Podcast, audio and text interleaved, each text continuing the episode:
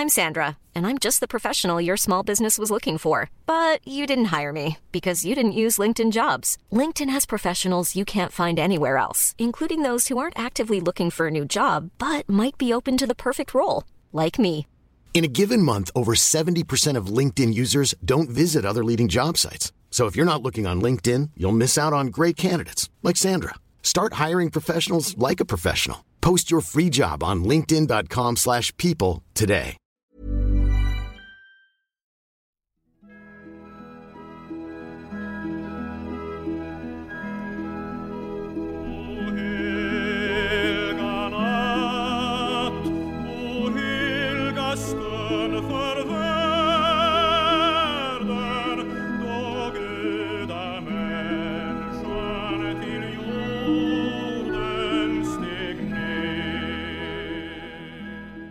Vad krävs egentligen för att man ska få den där härliga julkänslan? Die Hard på TV3. Ja, då har vi det. Bråk i bilen på väg till Småland. Bråk före julafton. Under. Minst en vecka. Under julafton såklart. Och framförallt efter julafton. Vi hade den egenheten i min familj. Mamma och pappa bråkade nästan varje dag. Förutom just, alltså och på julafton, men, men just liksom själva firandet blev alltid bra. Det är så jävla konstigt. Då tände de till liksom. Fan vad skönt att höra Christian. För jag var så jävla nervös igen att det skulle kunna komma en sån riktig socialrealism här nu. Men då skönt att höra. Pigga upp lite hur, var, var, hur kom det sig då? Jag vet inte, jag har inte frågat mamma och pappa om det. Men det var samma med syrrans bröllop i, i somras. Det var ett jävla liv dagen innan. Men sen på själva bröllopsdagen så blev det jättebra. Pappa var jättebra. Ja. Jag vet inte vad det är. Jag tycker att man ska ha hittat julklappsgömman hemma och med hjälp av sin egen andedräkt då har lyckats lossa på tejpbitarna och kunnat liksom ta sig in i paketen. Se vad det är i. Återförsluta alla julklapparna. Så att man redan flera dagar innan jul kan vara besviken på sina föräldrar. Mm. Borde egentligen berätta detta för mina barn istället så att de förstår. Men det gör de inte. Vi brukar köpa en, en sån smällkaramell på julskyltningen. Alltså runt den första december då. Stor, fint inslag med sånt här papper, prassligt och stjärnor på och sådär. Så fick den hänga i julgranen fram tills julafton. Det var det första vi öppnade på julaftonsmorgon. Var det en Dumleklubba i. Mm. De var jävligt goda i och för sig. Räckte ganska länge. Jag vet inte riktigt vad vi hade förväntat oss att det skulle vara i. Sen var det ju aldrig roligt att få en sån igen.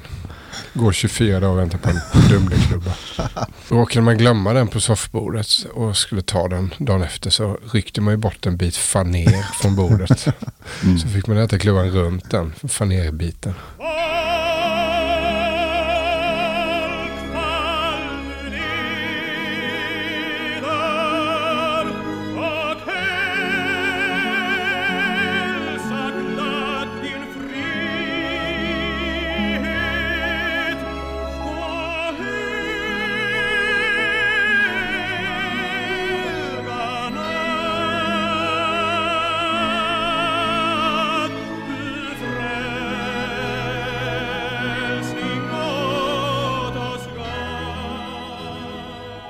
Jag tycker att någon ska ha vinterkräksjukan i släkten på julafton. Just det. Men den personen ska ändå vara med under firandet.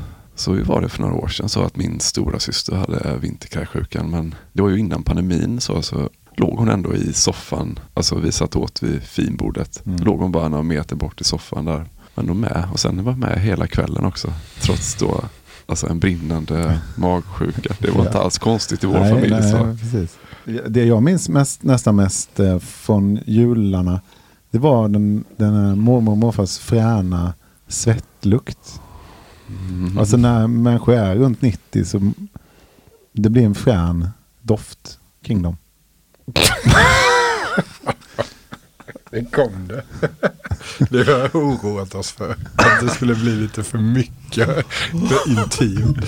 Nej, jag bara skojar. Nej men det tycker jag inte. Alltså det, det är vanlig, vanlig liksom. Skulle du hämnas på oss nu så här, du klarar dig med mamma och pappa så, så karaktärsmord på mormor och morfar. Ja, men jag tycker inte det. Alltså, vadå, småländska arbetarkroppar som har liksom arbetat med, med händer och fötter i, liksom 90 år, det är inte så jävla konstigt. Precis, jag har arbetat så hårt under 60 års tid så att den fortsätter bara utsöndra Exakt. Det är dofter och svett Ja, livet ut. exakt. Jag tycker att eh, jag såg faktiskt häromdagen i ett album, eh, gammalt sånt klassiskt eh, fotoalbum som jag har hemma hur jag och mina kusiner, våra föräldrar, vi är väl en 5, 6, 7, 8 år. Vi barn sitter runt finbordet på kvällen på julafton. Vi har öppnat våra paket och sitter och käkar lite julgodis. Sitter alla på bilden, alla vuxna runt om oss sitter och röker.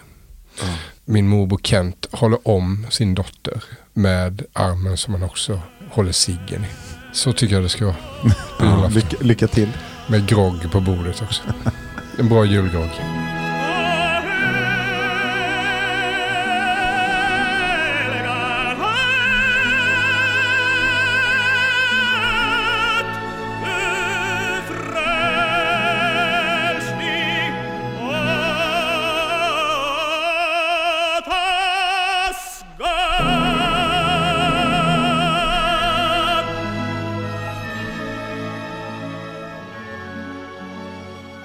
Sen har vi den där svåra timmen när man har kommit till mormor. Nu lever hon inte längre. Fantastisk kvinna för övrigt. Nu kan, vi, nu kan vi dra på men... Nej, men det var ändå en svår timme där mellan två och tre.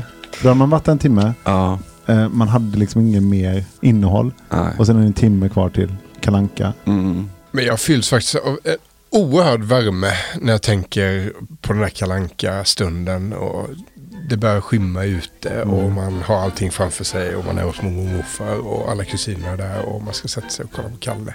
Med en åtta, sju, åtta, nio år. Vilken stund alltså. Ja. På året. Ja, verkligen.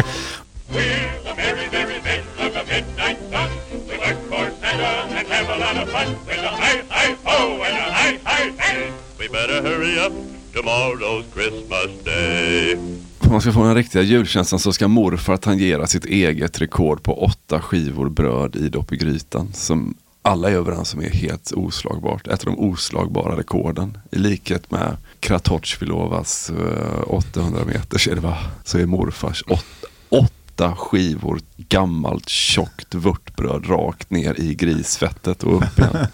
Så jävla sjukt till lunch liksom. Du vet, det är så salt i den han grytan. luktar ändå inte. Kommer ihåg när han gjorde det någon gång, folk vi bara satt och gapade liksom så här. Och mormor, det blir saltare för varje år, vet gamla människor med de sämre, det krävs ju mer, hela tiden mer socker i kakorna, det krävs mer salt i grejerna för att det ska ge smaksensationer på dem. Slut var det, det var ju saltare än döda havet, vet, man kan stå i den uppe i grytan du vet, och flyta helt upprätt liksom. Så Alltså, jävla... man bara lägger mackan där så händer den. Liksom, Pressa ner mackjäveln. Lägga en sten på den mackan så att den åtminstone bara gör, tar, får en kallsup. Fan vad mörkt. Ja, Han doppar dem så jävla mycket också. För Jag doppar ju, doppar det är ju då alltså man kokt, alla vet om det, man kokar ju julskinkan och i det, det spadet då är ju doppet och där kör man ner då gammalt torkat bröd. Och då jag kunde tycka att det var lite gott, men då doppar man kanske lite grann bara så att det blev lite blött brödet. Men morfar, han tog ju alltid två skivor, så tryckte han ner dem, så ner med den här spaten och bara ner med den på botten tyckte han att det skulle vara och ligga en stund liksom. Sen tog han upp det då, så det var ju helt fan. så. Och så kokt, kokt fläsk och nötkött till. För det jäser väl också liksom lite i magsäcken. Jag tänker mig att den, den magsäcken är helt proppfull i det läget. Det Och ju- arbeta som helvete när de får arbeta. Ja, då får vi arbeta där. Ja. Jag har ju svårt för blött bröd. ja, det är också väldigt, väldigt svårt. Och då funkar ju inte dopp på grytan riktigt. Nej. Sen tycker jag med att man ska dra upp ru- rullgardinen eh, hemma på julaftonsmorgonen. Och så ska det se ut som att det är mitten av april ungefär. Inte snö någonstans. Fyra grader blåsigt ska det vara på julafton. Ja, det jävlar vad Och allt var det alltid. Varberg med man kunde komma ut så, så var det asblåsigt när man skulle hoppa in i bilen och åka till mormor och morfar eller någonting. Ja, jag tycker också man ska åka bil en bit på julafton. Mm. Så det ska vara gnäll om det, vem som ska köra bilen. Och så. Och sitta var. Och... Mm. Hörrni, har ni några särskilda julklappsminnen? Jag har nämligen ett som jag skulle vilja dela med mig av. Julen 85 tror jag. Det finns många bilder där hemma där jag eh, både på födelsedagar och på julafton sen har blivit fotograferad med mina julklappar runt omkring mig. Så uppställda, upplagda lite fint sådär. Orangea Jofa armbågsskydd till exempel och hockeybenskydd något år och underställ och skridskor och sådär. Oh, vilka- men vilka jävla julklappar. Alltså riktigt, Ja, var fan väl goa hårda paket. någonstans ifrån tror jag. Ja, ärvda grejer. 85. Julen 85. Julen 85. Nu backar vi Ja, bandet ja. riktigt långt här. Sju år gammal. Ja, sex. Palme-regering och... eh, Ja, det är ju härligt. Ja, goda år här. Ja, verkligen. något, något år till i alla fall. Ja. Då får jag en dubbeldäckare, hette det väl kanske. Men en, en transistorradio med dubbla kassettbandspelare. Som är svart och vit. Mm. Med löstagbara högtalare. Som med hjälp av, eh, ja de sitter ju, det är ju sladdbundet såklart. Men man kan ändå, det är rätt lång sladd så man kan ställa ut en högtalare där i den sidan av rummet. Och en där borta. Och Ja. sen har man kvar liksom kassettdäcket i mitten. Ja. Jag önskar haft kvar den. Den var rätt snygg var den. Den är nog borta så länge. Sen får jag också två stycken kassettband. Mm. Ett ljusblått. Alltså själva bandet var ljusblått. Ett ljusblått. Men märklig silvrig gitarr på framsidan. Som man bara så här, vad fan ja, är det här för något? Ja, vad är det för Så gäng? tar jag ut det Mm. bandet. Och så stoppar jag det i kassettbandspelaren. Då tror jag jag vet vad det, hur det låter. Och så trycker jag på play. Då hör jag det här.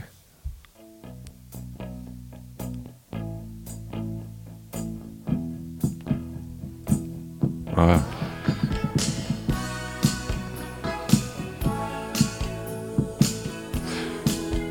Ut från den där eh, kassettbandspelaren kommer något som jag då antar är musik.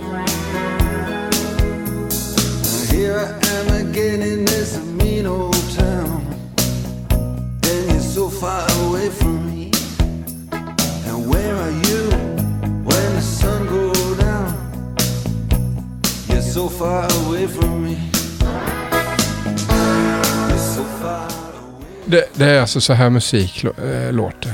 Inser jag julen 85. Mm. Brothers in Arms-plattan. Ja, på kassettband. Sen har jag också önskat mig Twisted Sister. De hade släppt ett album som heter Stay Hungry. Min eh, kompis Henrik Larsson hade en affisch med Twisted Sister. Där de poserade med köttstycken. Kommer du ihåg det? Nej, men det var ju inne på den tiden att man använde blod och kött och så. Ja, Henrik och hans kompis Daniel som också var min kompis. De tutade i mig att det var kvinnliga könsorgan. Makabert. Herregud. Fruktansvärt makabert. Ja.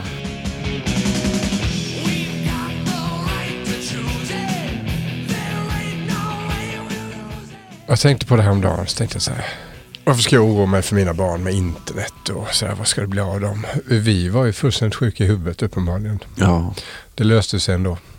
Men istället för att få då Twisted Sister-bandet eh, så får jag Carolas Steg för steg. Den första låten är Tommy tycker om mig.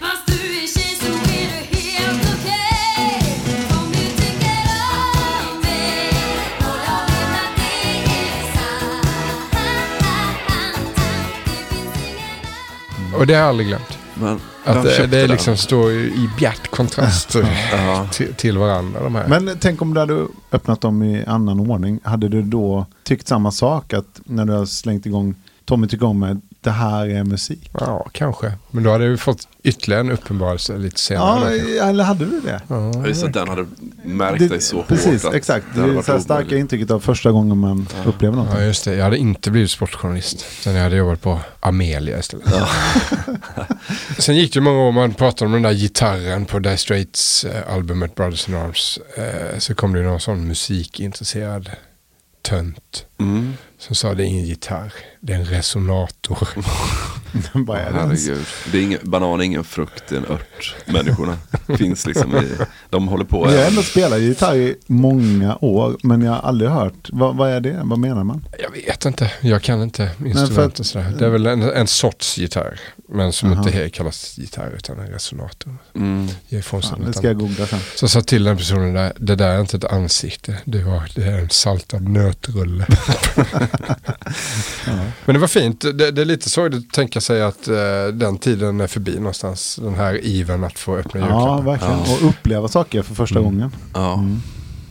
Jag måste göra, börja med att göra en passus då. Och det är ju att jag är genuint tacksam över min uppväxt. Oerhörd respekt för mina föräldrar. Kan jag bli en hälften så god far som min pappa så är jag nöjd. Det är väldigt viktigt för mig att få sagt detta. Men, För det kan vara så att jag idag kommer att beskriva scener ur eh, min uppväxt som kan vara dråpliga för, framförallt min pappa då. Men att det är gjort med absolut största kärlek, omtanke och respekt. Detta är min uppriktiga mening. Jag fick ju en då var det ju alltid, alltså jag hittade alltid julklapparna vart de var någonstans innan jag letade upp vart, de- vart de fanns. Och jag kollade vilka som var till mig. Och så, man ville ha, det var ju alltid samma, man ville ha hårda paket för det kunde vara mobiltelefon, det kunde vara en radiostyrd bil eller det kunde vara tv-spel. Det, kunde, det var ju det man ville ha liksom. Eller alltså fotbollsskor kom också i en hård kartong och sådär. Det var liksom den, stor, ni förstår storleken på paketen, man visste vilka som var bra. Och man visste vilka som var, för att det skulle bli många paket pappa alltid in alla strumporna. Och man fick ett underställ så slog han in det också. Liksom, så att det skulle bli många paket men man förstod att det är några här som räknas. Liksom. Och då hade jag sparat tre sådana. För vi, vi delade ut julklapparna och sen så öppnade vi dem inför alla i åldersordning. Så att man varje paket man öppnar, öppnar man inför alla. Det är inte så att alla bara river utan så här, nu är det Emils tur. Och så gör man så tills det bara är barnen kvar då för att vi har ju fått mest. Liksom. Nu har jag sparat tre hårda paket till sist. Och så öppnar jag det första och då är det en uh, väckarklocka. Okej, Alltså en klockradio. Väck- Eller? väckarklocka. En sån rund. Så, med med Ja, eh, det- analogt, eh, analog klocka och, som du Eh, vrider ganska, på baksidan. Den var ganska liten. Man ställer den vid nattbordet. Den är en vanlig, an- visar en analog klocka och så kan man ställa in den så att den ringer. Liksom. Ingen superstart. Ingen superstart. Det går ett varv. Det är jag igen. Nästa hårda paket. Och en väckarklocka. En till. Den här, har då, den här är digital och har en funktion som gör att man ställer den, den är ganska stor och så ställer man den på sitt nattbord så lyser den upp, projicerar tiden i taket. Så man ligger och tittar, så, så man slår upp ögonen på den, man ligger på kudden. Så ser du så här 06.53. Just det. Liksom, det projiceras upp i Fan, den taket. hade jag Så- som Bat- ha eh, nu. Ja, som den här Batman, du vet när han Ja, får ja, ja. in så, fast då vad klockan är liksom. Och så lät den inte utan den kanske hade mer så här ding, ding, dong, någon Mm. digital eller vad det heter, polifongrej liksom. En kvar, ett hårpaket kvar. Öppna det. Och så en väckarklocka. Fått tre väckarklockor. Sista tre paketen. Då har mormor, farmor och mamma och pappa köpt varsin väckarklocka till mig. Utan att prata ihop sig. Inte pratat ihop sig. Så sista tre paketen är, är väckarklocka. Sista tre. Den är ändå svår att ta in. Hur som- tar du det då? Du bryter inte ihop eller? Jag bryter inte ihop. Eh, Innerst inne gör du det. Ja, jag gör ju. det tyckte jag var helt sjukt faktiskt. Och de vuxna var lite skamsna då eller? Ja, det måste de väl ändå varit. Jag menar, jag skulle Eller ju varit det. De bara flabbade åt det. Ja, då fick den jäveln. Ja, men då är det julen då. Ja, verkligen. Det är det. Tänd ett ljus och låt det brinna Låt aldrig hoppet försvinna Det är mörkt nu Men det blir ljusare igen Tänd ett ljus Fast det är ändå en grej som jag tycker saknas här. Du har ju angett lite musik och så. Men tänd ett ljus, triad. Du sa, du sa så här till oss. Jag har gjort en telefonare som uh, känns Sibbi. Och, då tänkte vi så här. Har han ringt upp Björn Eriksson igen trodde du Marcus? Jag fick direkt känslan av att det är absolut, för du sa det är en, lite av en estradör. Precis som Björn Eriksson sa du. Ja. Tänkte jag, då är det inte alls en estradör som du har ringt. Ja, det är det. Men sen sa du att de, han hade haft ett gig häromdagen. Ja. Och då tänkte jag Jörgen Mörnbäck. Mörnbäck ja. Direkt. Så man var glad, var blivit glad ju. Ja, hade Oldsberg varit i livet så hade vi Ja, gissat på Oldsberg. verkligen. Ja det hade vi gjort. Men då är det alltså, Lasse Lindbom. Oj, oj, oj, oj, oj, oj. Ska vi köra bara en rak oklippt eh, telefonare med honom nu då eller? Nej, det tror jag faktiskt inte. För att vi, halva intervjun pratar vi ju om gamla minnen från eh, nattklubben Kavaljeren på Halmstad, i Halmstad på 80-talet. Där jag aldrig var. Kommer som extra material. Ja. Ja, men, eh, ja, nej, men eh, han har ju skrivit den här Tänd ett ljus ju. Mm. Så att han, eh, vi eh, får reda på lite hur det gick till. Ja, vad spännande. okej. Ska du bara presentera triad lite Behöver närmare? man det? Ja, men det, det kan finnas någon där. Lasse Lindbom, Ja. Niklas eh, Strömstedt Ja. och... Ja, Den där svåra tredje. ja, är det det? Ja, det är det ju. Nej, det är ju inte så svårt för mig, men för er kanske. Uppenbarligen. Ja, jag har ingen aning, märker jag. Janne Bark. Ja, just det. Pratar du något om honom eller? Jag, jag, jag gjorde så att jag ringde, jag ringde ju Micke Sy då, vår eh, SIB-favorit, och frågade efter numret till de här tre gossarna. Jaha. Så jag fick ju Niklas Strömstedts nummer, han svarade inte. Och sen fick jag Lasse Lindboms och Janne Barks. Och känslan är ju att eh, Lasse Lindbom är den man helst vill snacka med ju. Mm. Det börjar ju med egentligen, det kom ju från Haspens står det här. Det var ju för första, första Haspens-upplagan, det var ju Niklas, Janne Bark och jag och sen Nisse Nordin då från Göteborg. Som Så sen att det- med, var med i Black Ingvars va? Ja, precis. Det stämmer. Stort. Ja, det där var ju ingenting som ett skivbolag var intresserad av, för det var ju ett coverband. Så. Men Mm. vi var ju sugna på att göra någonting ihop då, Niklas och jag och Janne. Och vi fick ju OK från IMI, skivbolaget, att göra en platta. Men vi hade ju inga låtar. Så att vi, vi höll ju på... Vi, vi åkte till och med ner till... Vi hade en kontakt, så vi åkte ner till Kos i Grekland och, var där i eh, två veckor för att upp- uppträda på en klubb där, men samtidigt då skriva låtar. Eh, och det sprack ju. Det blev inte en låt skriven. vi hade annat för oss. Ni var glada i kalasandet eller? Ja, det var vi. Mm. Definitivt där nere i alla fall. Sen eh, då 86 var det väl så, jag tog, på den tiden tog jag någonting som jag kallade för låtskrivarpromenader. Jag, jag gick runt i stan med en sån där, eh, sån där liten bandspelare vet, som man kan spela in på. Ja, ja, diktafon. Just det, precis. Så, och då, den dagen så gick jag omkring som vanligt på Sveavägen och då kom hela den här refrängen Mhm. kom till mig.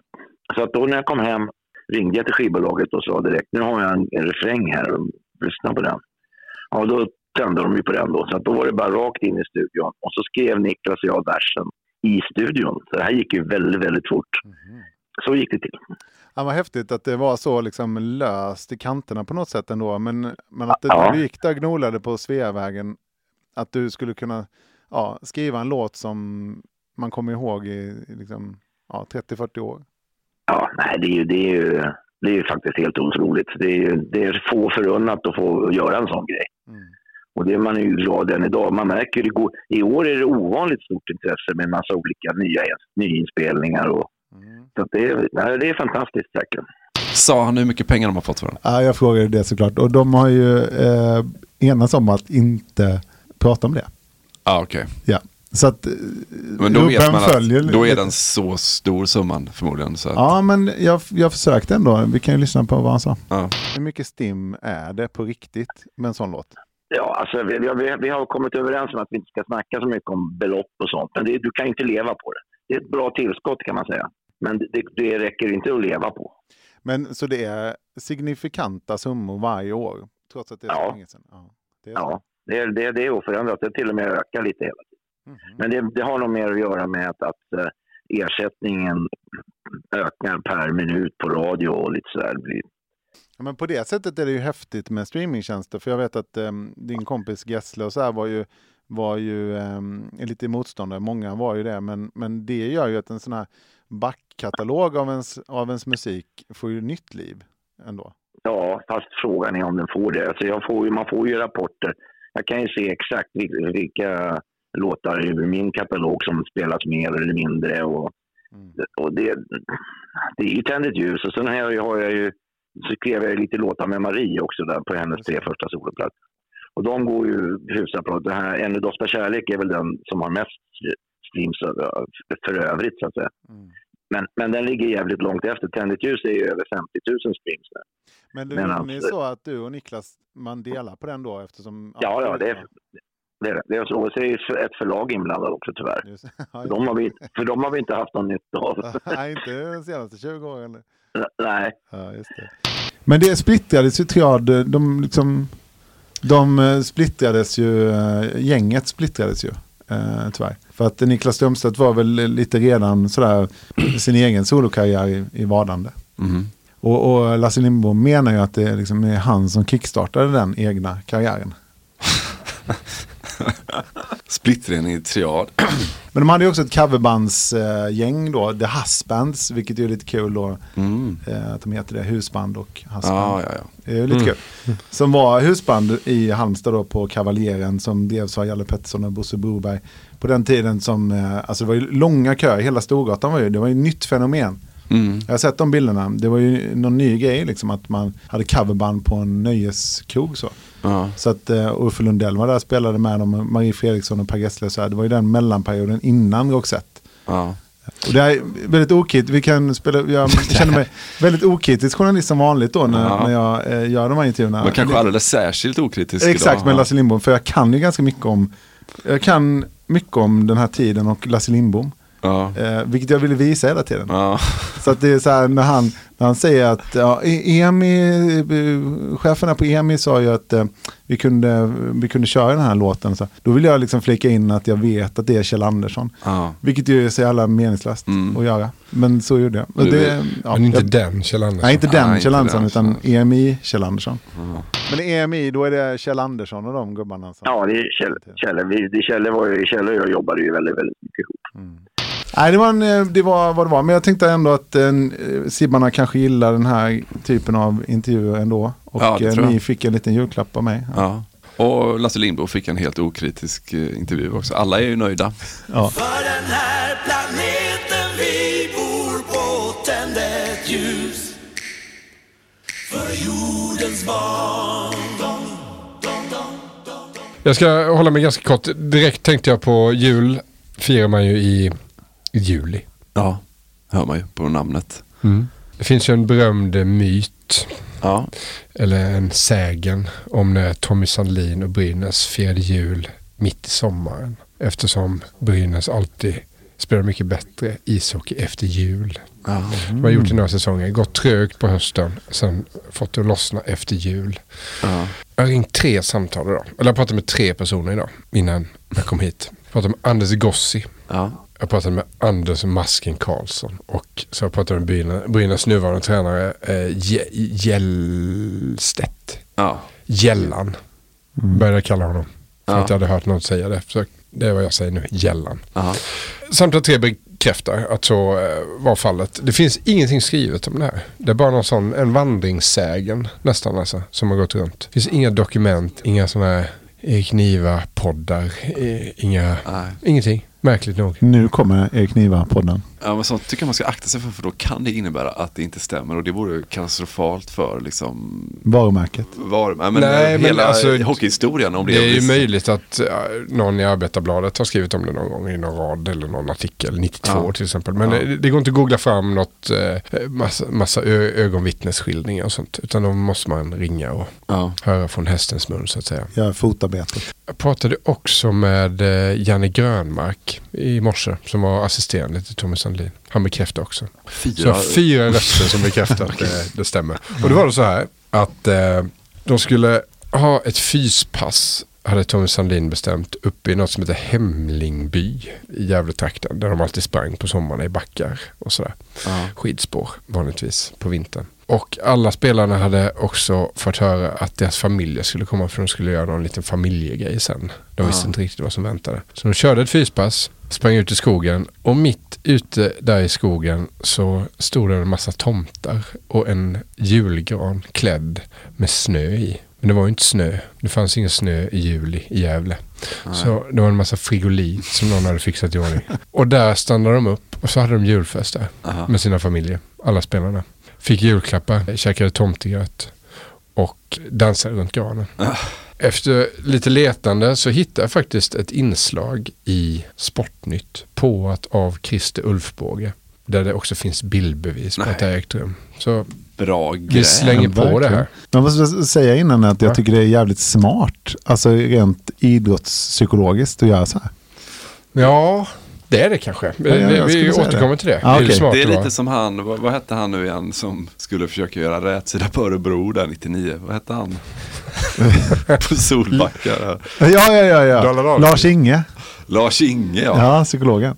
Det är uppe med hans Ja, eh, nivå exakt på i hans klass. nivå. Ja. Det är idag exakt 113 dagar kvar till julafton, men det finns de som inte kan vänta så länge på tomten.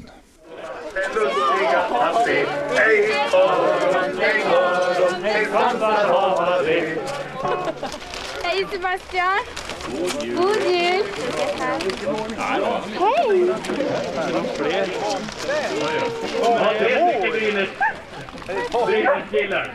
De flesta av er känner väl igen Brynäs-tränaren Tommy Sandlin. Det är han som har hittat på alltihopa det här. Det är ju som så att Brynäs brukar vara som bäst efter jul och när man nu har klarat av julfirandet så är det tänkt att man ska vara bra redan från elitseriestarten. Ja, så är det tänkt i alla fall. Ja, Jag tycker det är otroligt smart Ja. faktiskt. Och PR-geni är han ju också. Ja. Men det- jag måste säga att det här frigoliten, det känns som frigolit som material har åldrats dåligt. Liksom. Att bara använda massa gammal frigolit och dra ut på marken hade inte folk gillat idag tror jag. Ingen plockar ju upp något. Nej, nej, det nej, nej, det ligger ju kvar fortfarande. Det ligger där idag ja, och, och förgiftar marken. Ja, kan man gå upp där på eh, Hemlingby?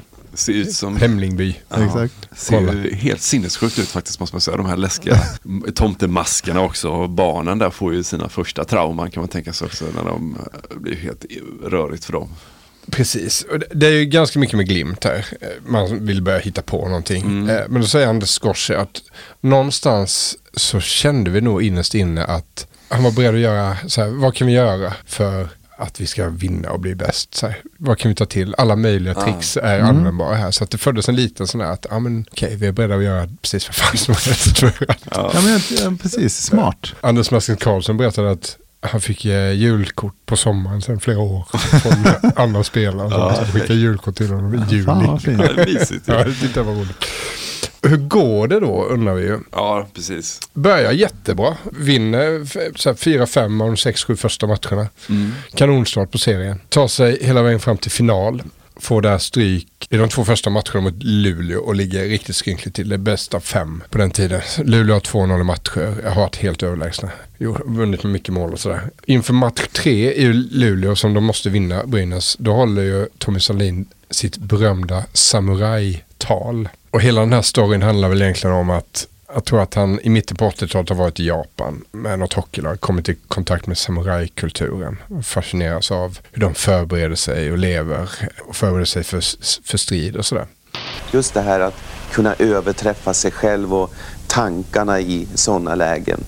Just där 93 så läste jag mycket och du tänker på det för det varit mycket omskrivet när jag tog några liknelser från samurajvärlden inför några viktiga matcher då. Med visdomsord hämtade från de japanska samurajerna göt han nytt mod i sina spelare då det såg som mörkast ut. 30 minuter långt tal inför match 3. Då reagerar Micke Sundlöv så här. Han berättar att han är målvakt. Vi flög upp till Luleå och skulle äta lite nyponsoppa och müsli på Scandic.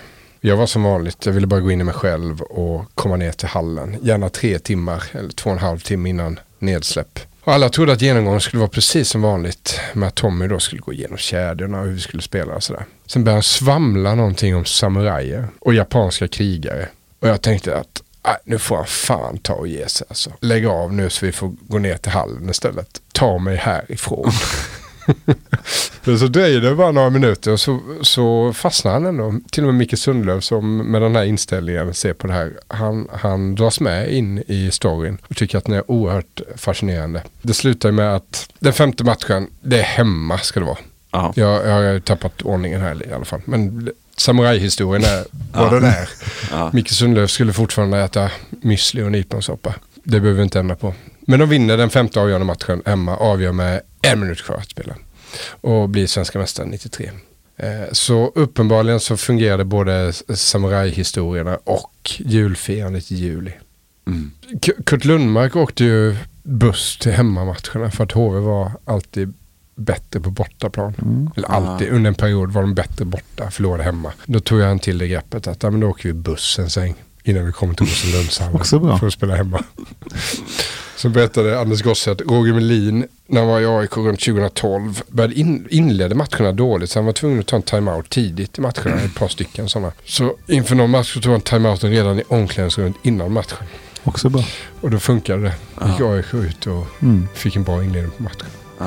Så jag vet inte riktigt. ja, men det är bra skrock. Alltså rejält skrock. Ja. verkligen. Kom närmare, kom hit intill Kom slå dig ner, säg att du vill Nu faller snön ut i den svarta natt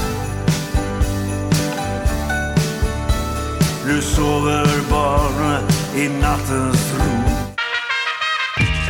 fjäder, den lyser fram. Det är en syn av förtjusning att se honom.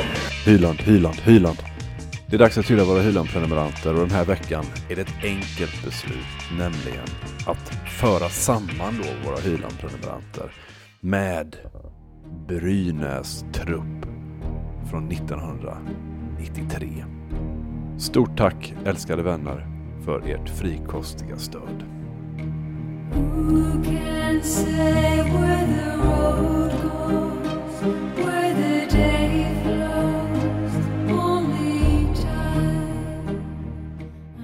Anders Karlsson, Mattias Axelsson, Peter Larsson, Kristoffer Jönsson, Ove Molin, Per Nilsson, Andreas Dakell, Johan Wall, Anders Gossi, Marcus Halling, Jonas Jonsson, Mattias Sundling, Anders Huss, Karim Haji, Jan Larsson, Simon Kingdahl, Thomas Tallberg, Emil Karlsson Lagnelius, Per-Johan Johansson, Rickard Kruse, Mikael Lindman, Magnus Tervik, Peter Gustafsson, Per Lagerqvist, Niklas Gällstedt, Emil Andersson, Mikael Enander, Marcus Wilberg, Lars Karlsson, Marcus Nyemad, Roger Karlsson, Sigurd Bjerke, Stefan Klockare och Martin Karlgren.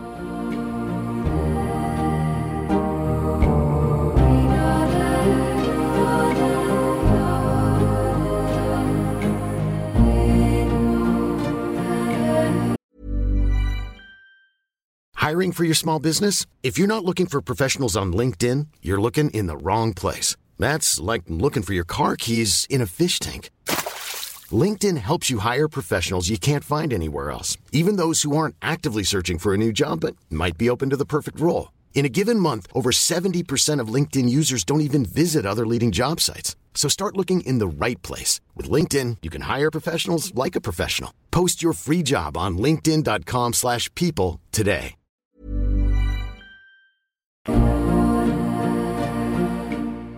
1991, jag går lite utanför sporten också. Eh, Sunes jul.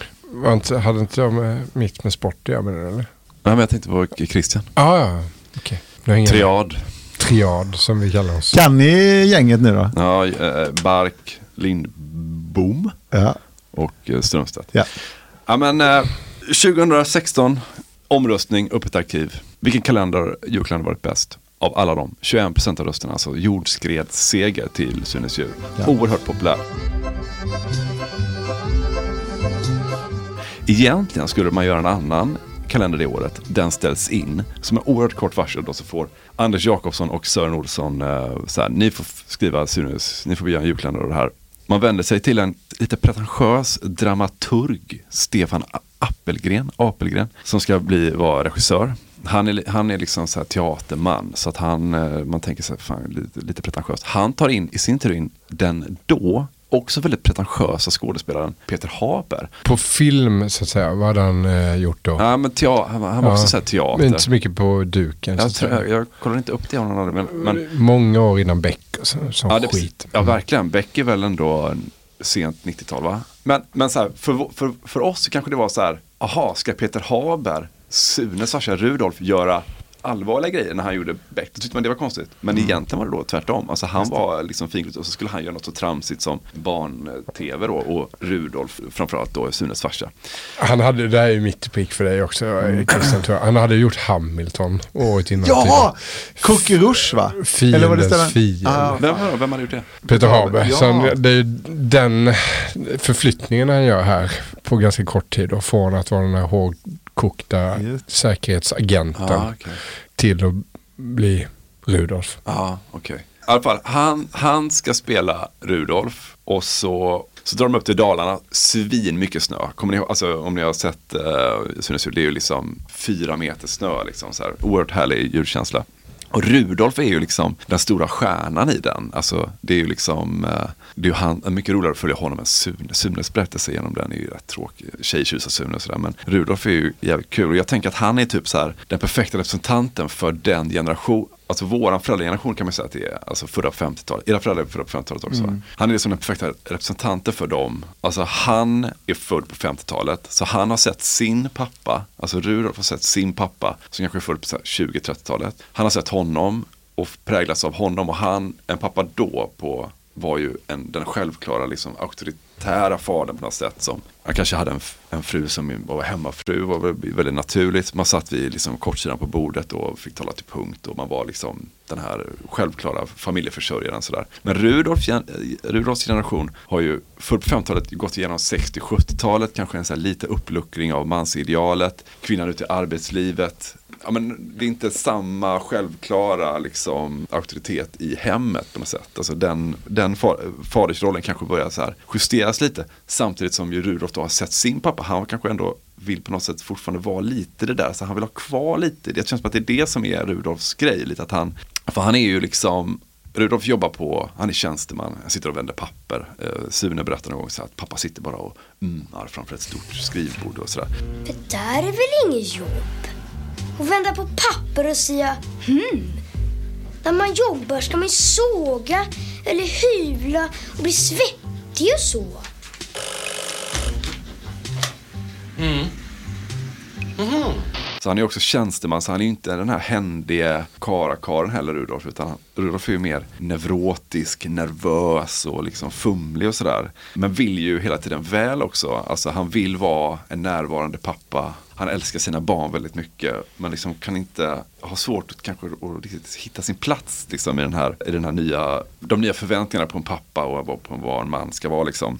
Ja, jag inte, han, det är kul med Rudolf för att han, han har ju, ni ser honom framför er ändå, eller, sådär, absolut. ni vet hur han var liksom. Han har ju liksom hela tiden, utbrottet är ju nära honom hela tiden. Och barnen är ju på honom hela tiden, han är ju för med sig för att kunna säga nej, så han får ju aldrig någon riktig egen tid och sådär. Så, men han vill, ju, han vill ju kunna, du vet, röka sin pipa, läsa sin tidning och vara då den här gamla patriarken på något sätt. Och barnen är på honom hela tiden. Det är någon scen så här, han, de rycker upp toadörren, då sitter han där skiter och röker och så och vill han bara få sitta och vara själv en liten stund där inne. Han bara, och då vill de att de ska hjälpa honom med vallan då. Och då kan han inte säga det bara, säg iväg då, utan då är det liksom det här en man vill vara ensam i några minuter. Det finns några tillfällen när man vill vara ensam. Du vet, så här. Pappa! Pappa! Skidorna! Var är skidorna? Älskade pojkarna mina. Det finns vissa tillfällen i livet då man vill vara helt ensam. Det här är ett sånt tillfälle. Var är skidorna pappa? Ja, de är väl i tvättstugan antar jag, där de brukar vara. Håkon och jag ska ut och åka, det är massor med snö ute. Gör så här. Gå ner till tvättstugan, ta ut skidorna så kommer jag. Om en stund. Men så vill han ändå hjälpa dem då. Och då vallar han ju med något gammalt recept som han har lärt sig av sin pappa då. Som är mjöl, majonnäs, sirap och ägg och skit. Alltså det blir ju, ja, det går, går åt helvete liksom. Så, och så ska vi ha lite margarin. tar vi och brinner ut så lite på varje. Ska det sjunka in sen i, i, eh, i trät va?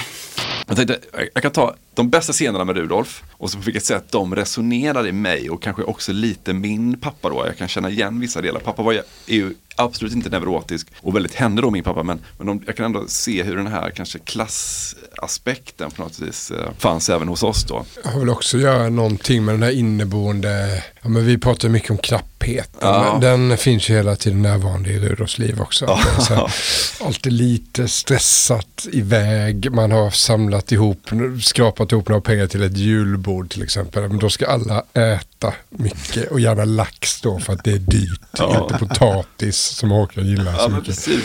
Vi hade ju också, det var ju, vi gjorde ju en stor grej av det när vi åkte iväg på julbord. Då var det, åkte, bjöd man hela, hela släkten. Och då, då var det ju liksom, man, vi gick ju framförallt jag, pappa och farfar då gick ju och planerade med sig. hur lägger vi upp tallrikarna då. Man skulle helst vara det, skulle vara tre tallrikar kallskuret först och sen då långsamt tar man sig in. Man blir ju så fruktansvärt mätt liksom. Då har ju Rudolf har ju, han har ju förbjudit hela familjen att äta. Så de kommer dit, barnen är ju helt utsvultna så. så de är så jävla hungriga. Och han har satt, till och med satt en liten gris i kylen så, så man öppnar kylen innan hemma, då går det ett larm så. Så Rudolf bara, ät ingenting nu för helvete, vi ska på julbord idag liksom. Så Sune står, han har lågt blodsocker så Sune försöker få tag i ett äpple. Så då är Rudolf där direkt så här, fan äter du äpplen för? Så här, det har vi ju hemma liksom. Och då säger ju Rudolf också det, så här, ta nu, eh, Sune, ta nu lax, det är dyrt. Eller eh, jag menar gott då. Mm, mm, mm, mm, mm. Sune äter inte mätt på sånt som vi har hemma. Nu blir det ju sill och sylta och grejer. Ja. Ta, ta, ta lax. Det är dyrt. Eller gott menar jag. Men så, så är det ju eh, bilen. Alltså för att det här var, så här såg ju vår familj ut. Alltså vi var ju tre barn. Vi hade likadan bil. Han kör ju en, visserligen en kombi då, 240. Och vi hade precis en sån fast sedan, grön. Och vi åkte också upp en gång på så här skid, eh, skidsemester, vår första skidsemester. Det var ju till Älvdalen i Dalarna. Och Rudolf har ju problem för att låset fryser ju hela tiden då. Vilket gör att de, varje gång han ska ut på morgonen, det är så frostigt, vet, så får han inte in den där eh, nyckeln i låset. Och så börjar han svära något så fruktansvärt. Då ska han till kyrkan också. Och Sune är ju orolig för att han tänker att nu kommer pappa inte komma till himlen då. För att han svär ju så fruktansvärt mycket. Nej men, nu har det frusit igen. Helvetes jävlar! Och jag kommer ihåg när vi åkte upp till Älvdalen, då hade pappa inte installerat en, det var fruktansvärt kall vinter, hade inte installerat en motorvärmare. Så vi fick liksom inte igång våran bil första morgonen vi skulle åka ut till spåret. Ni vet man åker med på skidsemester så är det så här, asmycket kläder, man ska på med alla grejer. Vi var ju tre små barn, alla ska ha på sig sina jävla täckbyxor och alltihopa. Det är ett jävla projekt att få en så stor familj ska ut och åka skidor, hyra utrustning alltihopa. Och sen när vi väl sätter oss i bilen och ska åka första dagen skidskola så får pappa inte igång bilen då. Så vi kommer liksom inte till backen första en av fyra skiddagar. Liksom. Det är sån jävla katastrof. så det kommer att vara en sån här grej att det var, och jag menar, det var ju så prövande för pappa då. Så att nu är vi här på semester, vi har gjort, sparat ihop alla de här pengarna och så kommer, liksom, kom vi inte iväg dit. Och jag minns en gång när vi var på, på semester också, vi hade varit på eh, en av våra första utlandssemester, jag tror att det var vår absolut första utlandssemester i, till Spanien. Hade liksom varit där en hel vecka, solat och badat och så flugit hem. Och du vet, så här, barn, små barn på flyget. Och man har varit en hel vecka, lagt hela semesterpengen då på att liksom alla ska ha det trevligt på den här solsemestern i Spanien. Kommer till eh, bilen på Landvetter, äntligen då liksom, man har baxat hela den här familjen, alla väskor, allting har gått bra, du vet nervositet också med flygen barn och sådär. Och sen när vi kommer till bilen så har pappa glömt något ljus då så att batteriet är helt urladdat. Och där var ju oerhört mycket Rudolf då för pappa för då när han inte öppnar den då står vi där på parkeringen och då vet jag att jag tittar på pappa och säger så här. Ja, så här blir det alltid med vår familj. Att det är någonting så här. Då kommer pappa och tittar på mig. Så, här. så bara satte han sig ner på huk som bredvid mig. Så vi var ansikte mot ansikte. Så, här, så bara, jaså, så här blir det alltid i vår familj. Fy fan Emil. du. Skällde ut mig något så in i helvete. du. Om du visste Emil hur mycket vi har sparat, så här, hur många år vi har sparat pengar, åka på den här jävla solsemestern som ni har tjatat om i så många jävla år. Så här. Och så är det liksom, här, han vill ju bara åka hem också, vet, så han står där på, på parkeringen, du vet, så han måste få tag i startkameror, sånt jävla projekt man får ta sig, åkt hela flygresan så här. Han bara, och han bara skällde ut mig så så så fruktansvärt otacksamt litet jävla snorungebarn då som vet, allt det jävla arbetet. Så. Oerhörd Rudolf-känsla. En rolig scen också som är med i den här, den är rätt finurlig den här i Sunes jul, är att när han, han har glömt nycklarna i bilen så att när de har varit i kyrkan så ska de åka hem. Då kommer han inte in i bilen då för att han har glömt nycklarna. Då är ju prästen där utanför och bara, han bara, kan, kan du hjälpa? Eller du vet, så här. då har ju prästen sitt kors, kommer ni ihåg det? Så, så han är ombytt utanför, han har tagit av sig sina prästkläder, så står han ombytt utanför. Då har han skinnjacka med så här ganska hög krage. Och han bara, men jag kan faktiskt öppna bilen, så tar han fram sitt kors så här, som är, ja, men det är ju lika stort som en nyckel ungefär. Så ställer han sig så här, och jag menar det är ju bara kommunikation till den äldre publiken. Då ställer han sig så här som en biltjuv liksom, du vet, och tittar så åt båda sidorna så här. Och så öppnar han bilen och så precis när han öppnar bilen så bara som ett vad ska man säga, muskelminne så sätter han sig så asfort i bilen så, så att man förstår då att okej den här prästen är ju, han är ju biltjuv, det är så här kul. Men det. Ja, så. Ja. Ja. Ja, vad lätt det gick. Ja, men så är det då när de ska hugga gran. Och det är en perfekt uppgift för Rudolf då. För att det är liksom en manlig grej. Man hugger en gran, man får det gjort så här. Man, som far släpar man hem en gran liksom. Barnen kan inte göra det med. Så det är liksom, här känner han sig trygg. Här ska han ju lyckas med liksom. Så han är så jävla gott humör då. Så här, packar ner alla barnen i bilen, ut där. Liksom riktigt så här dansar fram liksom. Alla troll ut nu! Och nu ska vi hugga gran, ja! Nu ska vi hugga gran, ja! Nu ska vi hugga oss en gran! Gott humör som fan. Det här kan ju inte gå dåligt. Och upp öppnar naturligtvis kofferten då på sin bil och då är ju sågen och yxan borta då. Vilket han omedelbart beskyller sina barn då för att de har tagit ut dem. Mina underbara små älsklingar.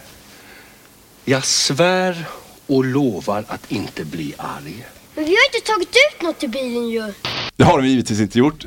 Då har de åkt så jävla långt då. Han vägrar ju köpa, han vägrar gå ner till torget. Det är den enkla vägen nu att åka ner till torget och köpa en gran. Det vägrar han ju för att det är för dyrt då.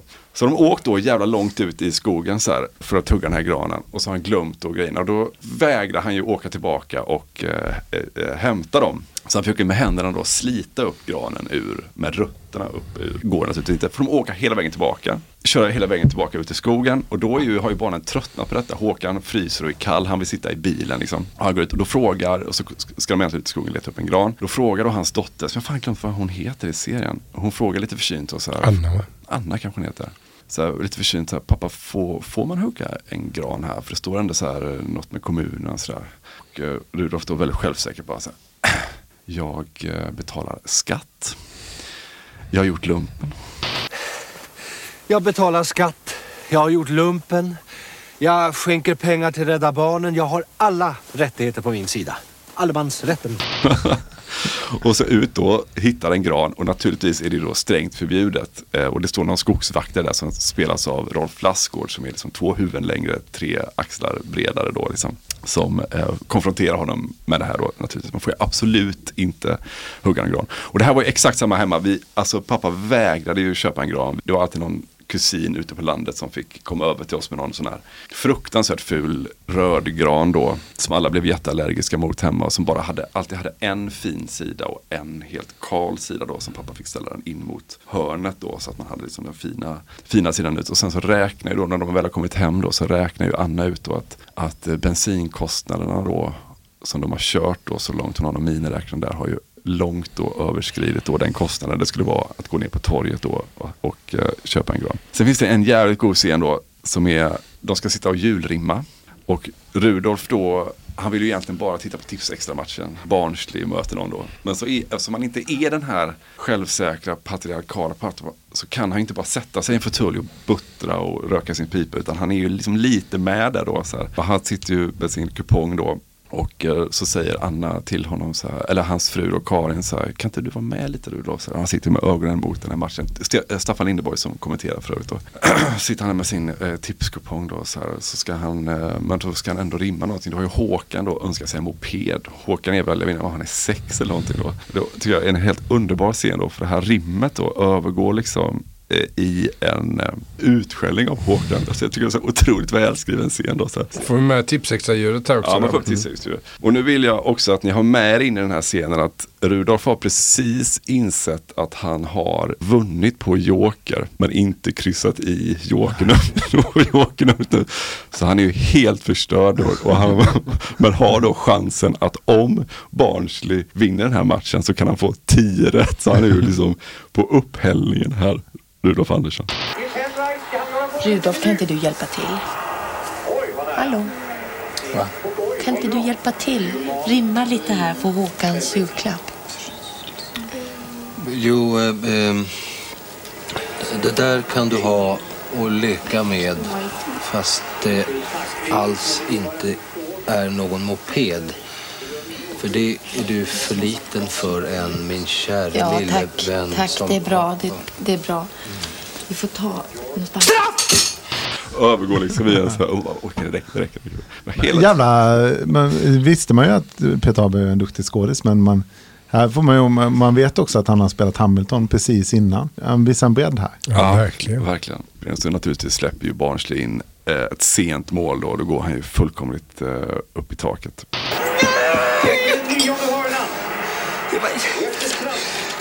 Älskling, det var länge sedan Barnsley höll nollan på bortaplan.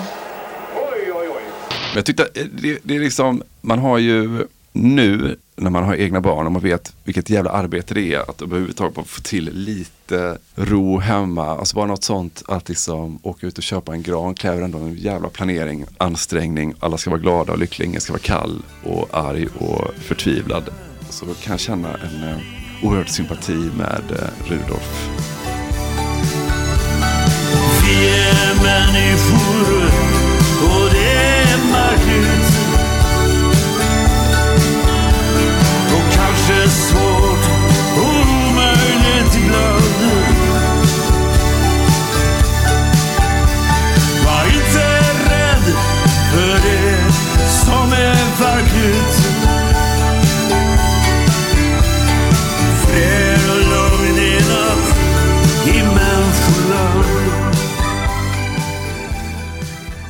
Vi har ju glömt annandagen här ju, som är en sportdag ju. Ja, just det. Jag kan bara ta det kort att det är bandyn som var pappa och mamma till det. Hundra år sedan, ungefär. IF Göta, Slottsbron.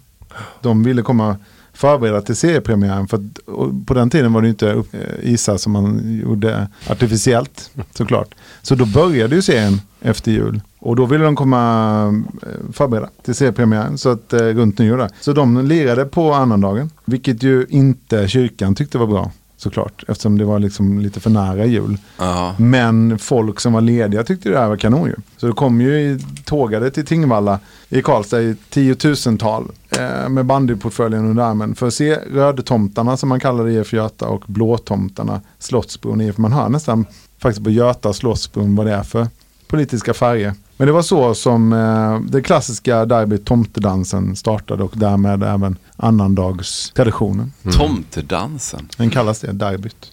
Mm. Annandagsbandyn var ju, förutom då kunde det vara lite engelsk fotboll på annandagen sådär. Men det var julafton var ju kul, juldagen var ju förskräcklig. Mm. Eh, Ja. Och då ska man ändå komma ihåg att det tog många år innan jag förstod att man överhuvudtaget kunde gå in i en affär på julafton. Det vet jag fasen man kunde i Älmhult på 80-talet. Nej. Allt var igenbommat. Mm. Idag i Stockholm på julafton, det är som vilken dag som helst. Verkligen. I princip. Inget är heligt längre. Nej, men juldagen däremot ska vi inte snacka om alltså på Nej. 80-talet. Det gick inte ens att köpa ett paket Morr. röd prins. Nej. Och sen så kom ju annandagen då med lite ljus igen efter, Ja. efter juldagens. Men visst är det en härlig eh, känsla det där med att man tar sig igenom den tunga juldagen med juloratoriet och sån skit på tv. Vad, Och vad är det? Tunström va? Vad fan är det? det, det, är så, det men den är så jävla svensk, eller hur? Det är så här, det är just kristendomen verkligen ute på landsbygden. Och det är, glömt bort vad den handlar om. Men så vaknar man upp på annandagen och då kanske det är solen är framme och det gnistrar i snön. Och... Första vitsippen av Och så kan man gå på bandy tidigt på dagen och så finns det fortfarande mycket tid kvar på eftermiddagen eh, för middag och äta lite rester och Ja, kanske en visst. kalkonjävel. Eller Ja, sånt visst. Tycker det är härligt. Sen har ju allting annat kommit och det är väl också ett tecken på hur sekulariserade vi har blivit. Nu ska det spelas hockey och handboll och fan och hans moster Alltså det. Okej, så det är sekulariseringens... Ja, det är väl eh, kapitalism antar jag. Ja, det är en jävla massa processer som, som samverkar tror vi. Ja, och därför blir det handboll. spelar väl ha- handbollsligan i Halmstad annandag. BK spelar väl snart någon jävla träningsmatch också på annandagen. Hoppas Och jag kallar det för någon sån här annandags träningsmatchen på, här ute på Sannarp. Sannarp på grus mot Hallvia. Annandagsklassikern. Ha med sig sån varm saft dit. Tomtedansen kan vi kalla det derbyt. Ja. Det, bara, det skulle varit vigt åt bandy annandagen. Hockeyn har ju tagit det. Men det är ju lite intressant. Någon, det sker ju någonting någonstans här mellan 80-tal och 00-tal. Som gör att det är helt accepterat Ja. att gå ut på annandagen. Och många gör det. Många vill bara ut, vill hemifrån. Det kanske är så enkelt att sitt för fan inte hemma med era familjer en dag till. Utan Nej. ut och gör någonting. Men det Man har ju- sett så här att antalet fall av hustrumisshandel har ju sjunkit sen de började spela hockey på annandagen. Ja, just det. det var konstant med bandyn men sen när hockeyn kom in så bara nej det sjunker. Så handbollen i, ja det sjunker lite. Fortsätter det? Ja, fortsätter. Ja, precis som inflations... Man kan ratta på lite olika sådana grejer. Stry- Trycker centralbanken ner och hustrumisshandel. Var det så jävla enkelt? Ja, exakt. Det sitter Björn, Björn Eriksson satt där verkligen så här, ska vi tillåta innebandy också? Nej det är inte så många hustrumisshandlare exakt. där. Ska vi, vi har nollvision här nu på hustrumisshandel under julen. Så vi, vi har tänkt att vi ska ha, arrangera en innebandycup alla dagar. men det är inte- det är enda chansen att nå ner till noll. Men är inte det eh, innebandyn så är det ju då de sällsynt omvända fallen när frun slår mannen va? Då tar man dem med innebandyn. Det är så 20 sådana fall, de är, nu finns inte det längre. Det är helt samhällsproblem som är utvecklat. Nobels fredspris går till Björn Eriksson. Björn Eriksson. För att han Björn Eriksson och så sekulariseringsprocessen. Ja, precis. Gå till en grupp människor som har jobbat fram det projektet. Ja. Annandags innebandyn. Ja, precis. Någon på SISU kanske. Ja, gjorde mer nytta än Björn Eriksson gjorde när han var på polisen. Va? Ändå. Ja. För svensk brottslighet.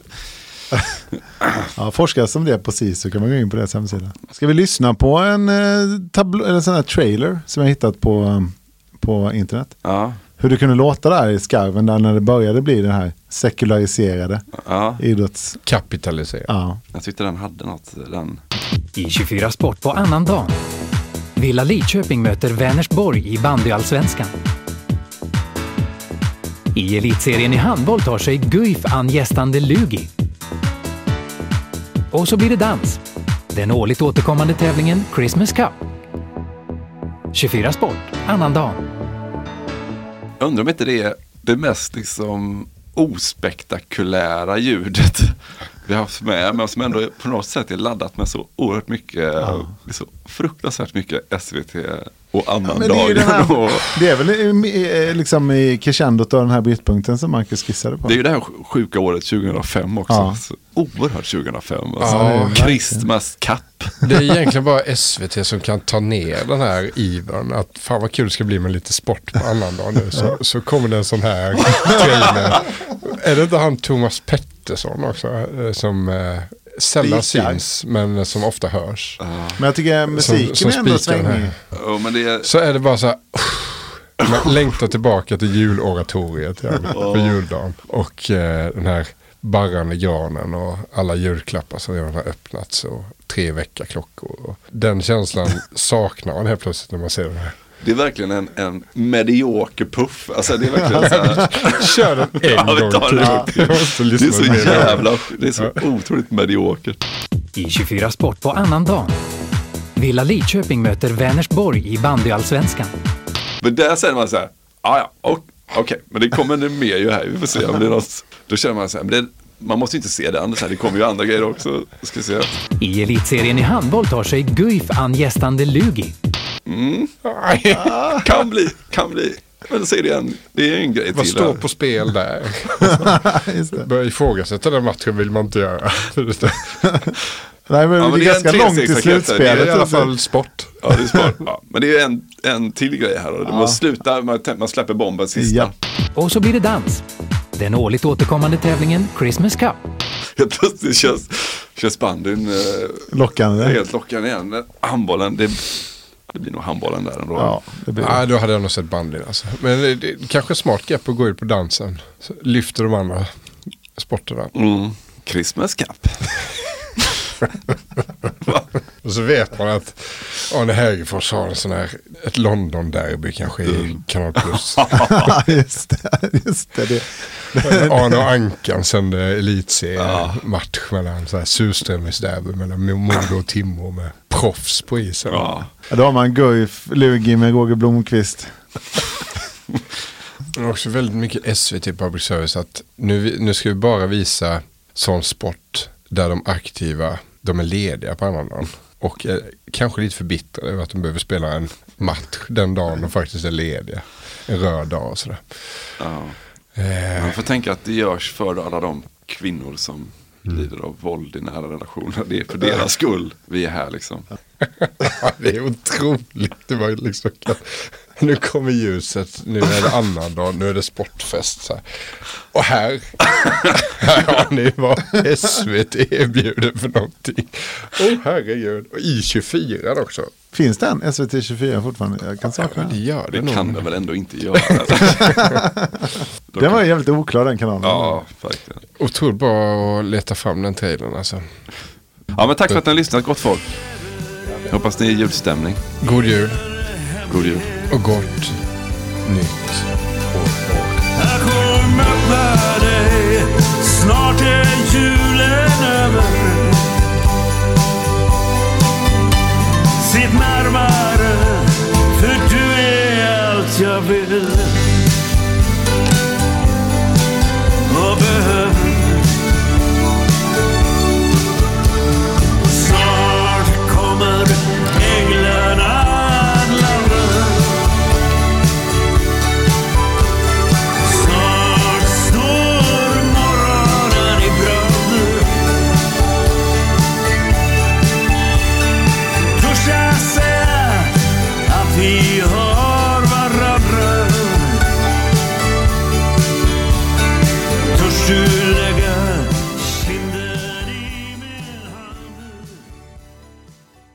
Den årligt återkommande tävlingen Christmas Cup. 24 Sport, annandagen.